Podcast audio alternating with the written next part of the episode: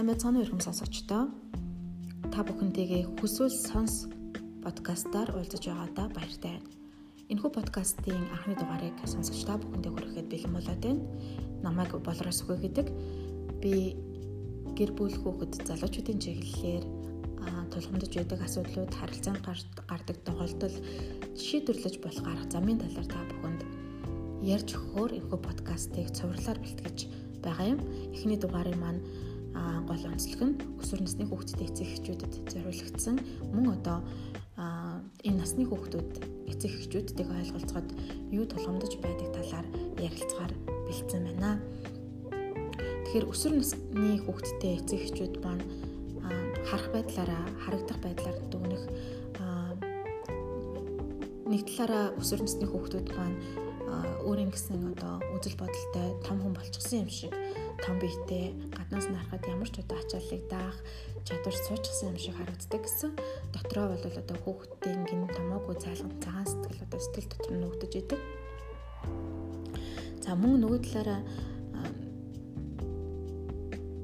харахад том учраас бид нар бас тодорхой хэмжээнд өөрийгөө бас том болчлоо би одоо том хүүхэд болчихсон би ганцаараа шийдвэр гаргах боломжтой энэ нас дээр ирсэн байгаа гэх мэтчлэнгээр одоо өөрийгөө том хүн болсон мэтэр төсөлж боддог энэ насыг бид нэр өсвөр нас гэж нэрлэдэг байгаа. Тэгэхээр энэ насны хүүхдүүд бол ихэвчлэн маш одоо өөрийн өөрийнхөөрөө тэмүүлэл зоригтой маш их одоо эрмүү хүсэлтэй бүх зүйлийг өөрийнхөө одоо хүч чадлаар хийх энэ боломж байгаа гэдгийг мэдэрч идэг юм насны хүүхдүүд байгаа. Төрөний хэлсэнчлэн гаднах байдлаараа том битэй болчихсон учраас томчууд нэр том хүүхдтэй харилцаж байгаа мэт харилцаж одоо зарим тохиолдолд тайр халамжууд утаахан хэлбэг байдаг. За мөн одоо нөгөө талаараа хүүхэд өөрөө гэсэн шийдвэрээ гаргаж өөрөө би том хүн болчлоо гэж бодох энэ эргэлзээ тэнэлзээтэй энэ үе дээр хүүхдүүд маань маш олон зүйл дээр алдаж амьдралын одоо хар бараан зүйлийг мэдрэх мөн одоо ирээдүй амьдралдаа бас нэг хар толбыг үлдээх юм байдал нэлээдгүй одоо байгаад байна. Тийм учраас энэ насны хүүхдүүдтэй эцэг эхчүүд маань тодорхой зүйлүүд дээр анхаарч хүүхдтэй одоо бага наснд нь бол бид нар үргэлж одоо тэрвэрч үнсэх, хайрлах энэ мэдрэмжийг өгдөг гэсэн бол өсвөр насн дээр ирсэн энэ үед нь бол тодорхой хэмжээгээр бид нар хүүхдүүдээ том болсон гэдэг байдлаар одоо үл тоох үл хааграх энэ хүчрхийллийн хэлбэрийг бас үлдэж идэг гэдгийг эцэгчүүд манаас санал нэгтэйгээр хүлээн зөвшөөрөх баг. Тийм учраас хүүхдүүдтэйгээ бид нэр хэрхэн яаж ойлголцох уу? хүүхдүүдийнхээ хүсэл мөрөөдлийг бид нэр яаж сонсох уу? Хэдийгээр хугацааг бас хүүхдэд зарцуулж хэвших үү гэдэг энэ ойлголтын талаар та бүхэнтэйгээ хуваалцъя гэж бодсон.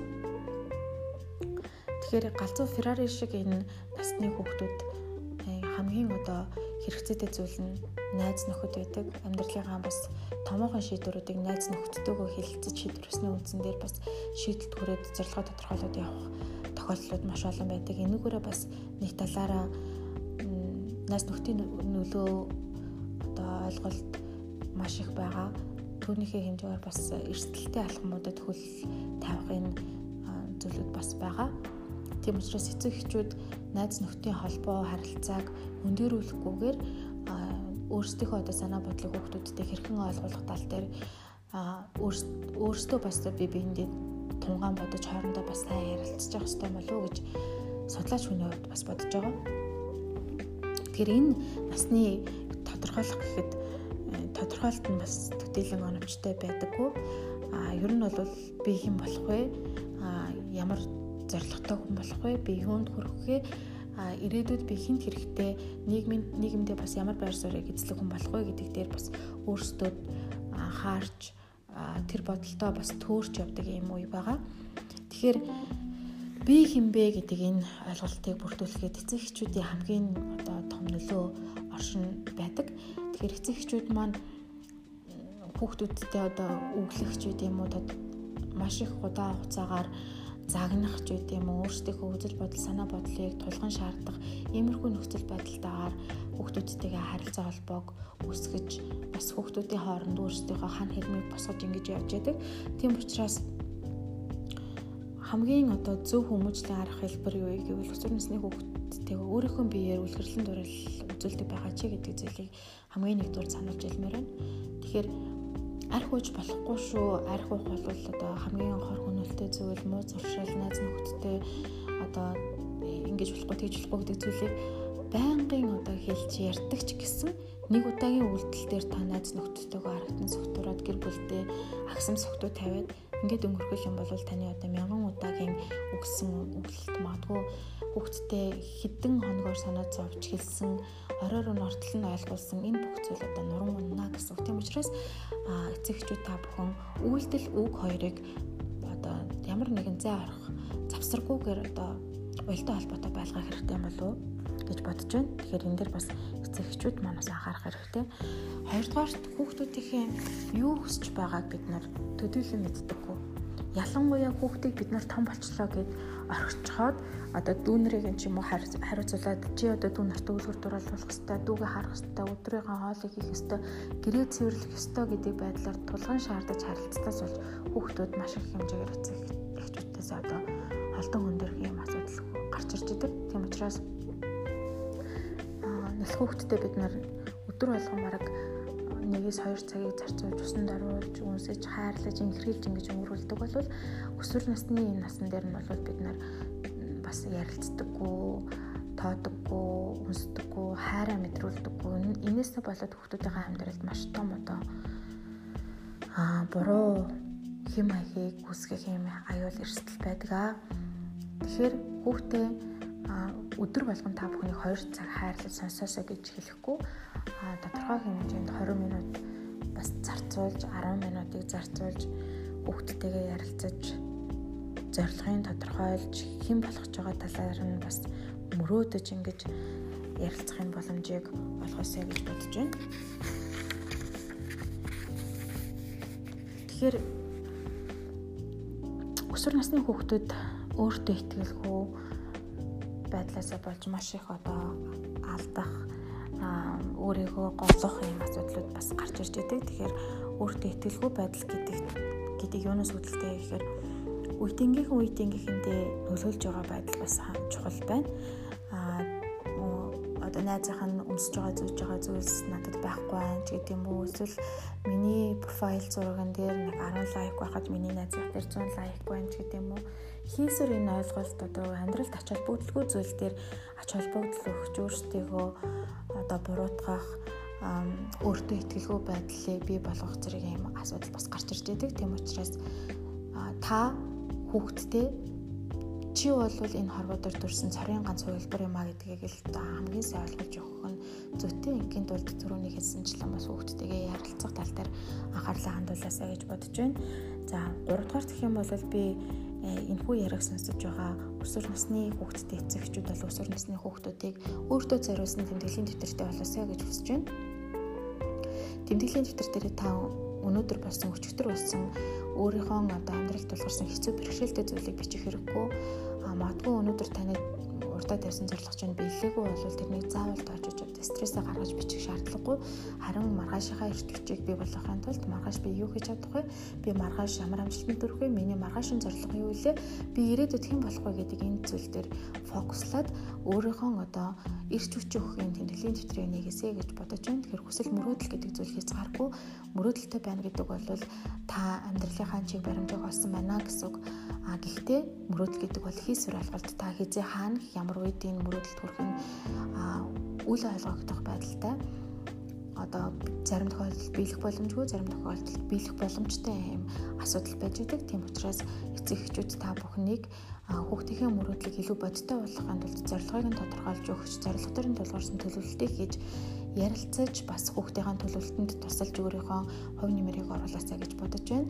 Та магадгүй 10 дугаар ангид 11 дугаар ангид орсон хүүхдийнхээ мэрэгжил сонголтын асуудал дээр тулгарч ирсэн хүүхдтэй таныг олохгүй магадгүй хүүхдтэй өөрийгөө ойлгуулж чадахгүй байгаа бол эртнээс одоо 1 2 жилийн өмнөөс хүүхд чинь 11 12 дугаар ангид орохоос өмнө одоо бэлтгэж харилцааны суурийг тавьж хүүхдтэйгээ харилцан ярилцаж юу хүсч мөрөөддгийг сонсож за түүнд нь тулгуурласан одоо төлөвлөгөөг боловсруулж төлөвлөгөөнд хүрсэн хэсэгтэр бас дүгнэлт хийгээд ингээд явах юм бол магадгүй одоо та 11 12 дугаар ангийн хүүхдтэй үйл ойлголцох энэ байдал байхгүй болж илүү одоо бие биений харилцаа ойлгомжтой сайхан болж харилцааны одоо эрэг сайхан хэлбэр танай гэр бүлд бий болно. Тийм учраас хамгийн нэгдүгürt таны шүү гэж дахин дахин хэлмээр энэ хүүхдийнхээ одоо асуудалд зөв хандаж оролцоотой байж хүүхдээ сонсож ингэж өнгөрүүлээсэй гэж бодож байна. Одоо яран ихэнд би та бүхэнд хэлжсэн аз жаргал гэдэг бол хийсвэр ойлголт юм аа гэжсэн. Гэтэ энэ хийсвэр ойлголтыг та бүхэн цаасан дээр буулгасан бодит биелэлээ орсон ийм зүйл болгох хамгийн одоо том боломж нь би болсон байгаа гэдгийг хэлхэн зүйтэй. Тэгэхээр энэ хүү яриаг сонсож байгаа хүн болгон одоо дэвтэр нэгж хүүхдүүдтэйгээ харилцах холбоо харилцаагаа сайжруулах энэ зүйлийг нэгдүгüрт тавьж одоо цаасан дээр буулгаасаа гэж бодож байна. Тэгэхээр амьдралынхаа туршид ямар нэгэн зүйлд гомдож түнсэн ямар нэгэн зүйлд өөрийгөө буруутгаж явдаг бол энэ хэм маягаас салаарай. Ягаад гэвэл та хүүхдтэй үлгэр дуурайлсан бодит одоо жишээ болсон танаас хүүхдүүд тань үлгэр авч одоо цаашдаа том хүн болох ээж аав болохын процесс руугаа бэлтгэгдэж явах учраас эхлээд та өөрийгөө маш сайн бэлтгэх хэрэгтэй өнгөрсөнд өөрийгөө битгий буруутгаарай мөн одоо өнгөрсөнд хүүхдээ битгий буруутгаарай гэдэг зүйлийг захиж хэлмээр байна.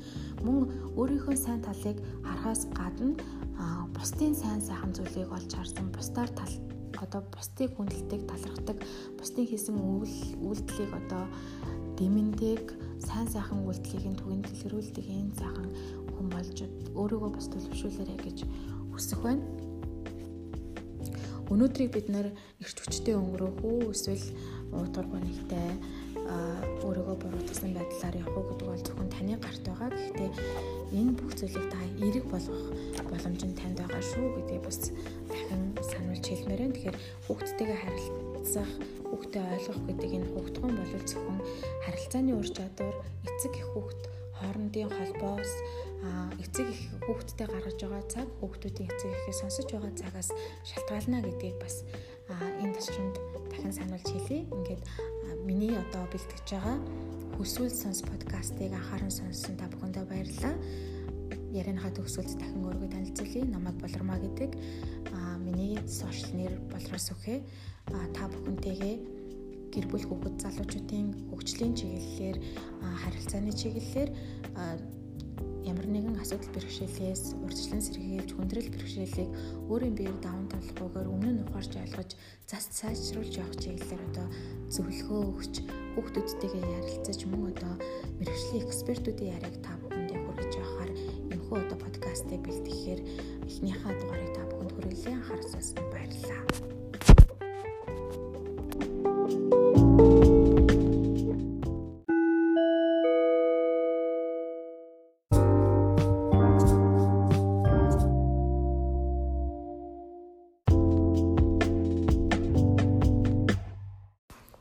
Сайн байцгаана уу? Болроос хэ байна. Хөсөл сонс подкастын ээлжид шинэ дугаар та бүхэнд хүргэх гэж байна. Өнөөдөр би та бүхэндээ 2 дугаар ангийн хүүхдийн хөсөж мөрөөддөг зүйлийн талаар ярилцахаар өөрийнхүүтэйгээ одоо ярилцаад бэлэн болсон байна. За ингээд манай сонсогч нарт эхлээд өөрийгөө танилцуулахгүй юу? А би юун зал байна.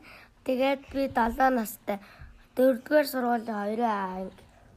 За танаа багш хэн гэдэг вэ?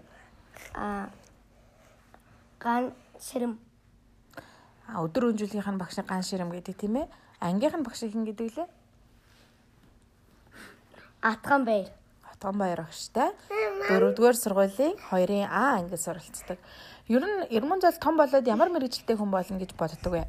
Онгоцны онгоцны нисгэгч за онгоцны нисгэгч ер нь яагаад гоё гэж бодсон бэ Тэнгэр дээр нэс. Аа. Тэнгэрээр нисдэг болохоор гоё гэж утсан байна тийм ээ? Тий. Тэгээд доороос атыг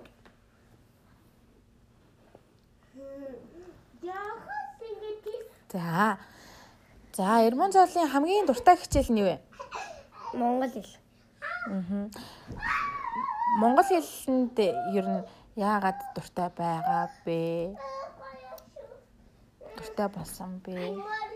За зөв математик.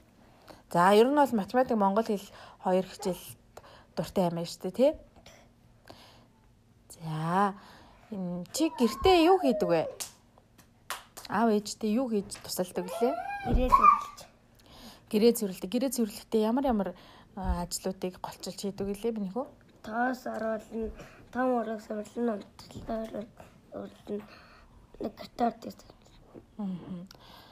Гэр цэвэрлэх ер нь хэцүү юу? Жоох Гэтэ сурцсан болохоор сурцсан болохоор жоох амар. Аа. За чи чи дүүгийнхаа тухай яриач. Чиний дүүхэн гэдэг лээ.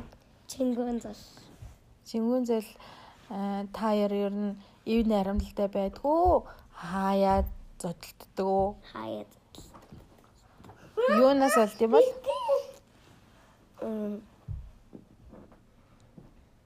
Одоо бүүм. За за. Чингүн чингүн Тэгэл. А за. За бишээ. За чи цэцэрлэг доохта ямар ямар дуу шүлэг гэсэн сурж исэн бэ? Сургуульд орсон чинь юугаараа ялгаатай байна? Дуу шүлэг. Сургууль хэцүү байна уу? Амархан байна уу? Сургууль жаахан л амар. Аа. Танай ангид ямар ямар хүүхдүүд байдаг вэ? Та нар анги дээр одоо чөлөө цагаараа юу хийх вэ? Чөлөө цагаараа юмаа тэгээд жоохон багшиг ордол хүлээн тэгээд гिचээ дөрөв. Аа. Танай сургууль дээр нэмэлт одоо ямар дугуулan секцүүд явдаг вэ? Чи ямар секцэнд хамрагддаг вүлээ? Болов би тэмрийн багш волейболын секцэнд хамрагддаг. Волейбол яагаад тогломоор санагдсан бэ?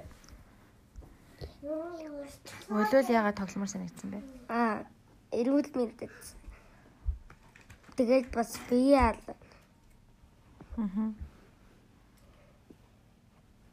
Тэгээ бас танай ангийн мундаг тамирчин хүү байгаа тий хин гэдэг лээ. Ирэхээс тэгээд ирэхсээ гэж Тэя ба Баянтуул огш нь иргсэн ээж тийм ээ. Тэгээд волейбол маш мундаг тоглосон учраас миний хүү волейболын секцийг сонгоод явж байгаа юм тийм ээ. Тий. Ер нь цаашдаа өөр ямар дугууланд хамрагдъя гэж бодож байгаа вэ?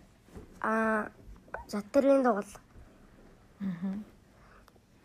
Тэгээд хөлбөм. За за тий. Тэгэл алаа хөл бөмбөгийн дуулан, шатрын дууланд ямар байгаа юм тийм ээ? За. За, аав ээжийн тухай ярих уу? За, тэгээ. За, аавын хин гэдэг үлээ? Төвшин. Аав нь ямар ажил эрхэлдэг үлээ? Аа, за сурч. Аа. Ер нь чи аав аав ээжийг ямар байгаасаа гэж боддог вэ? Аав ээжийг ямар байгаасаа гэж боддог вэ? Аа, манд мундаг байгаасай гэж бодд юм уу? За. За тэгээд цаг гаргаж ярилцсан Ермэн золдоо маш их баярлалаа. Сургалтын өндөр амжилтыг хүсье өрөөй. Тэгээд маш мундаг волейболын тамирчин болоод онцны хэсэгч болоорой заяа. За баярлалаа. За ингээд энэ хүү ярилцлагыг сонссон та бүхэндээ баярлалаа. Хүслүүсэнс подкаст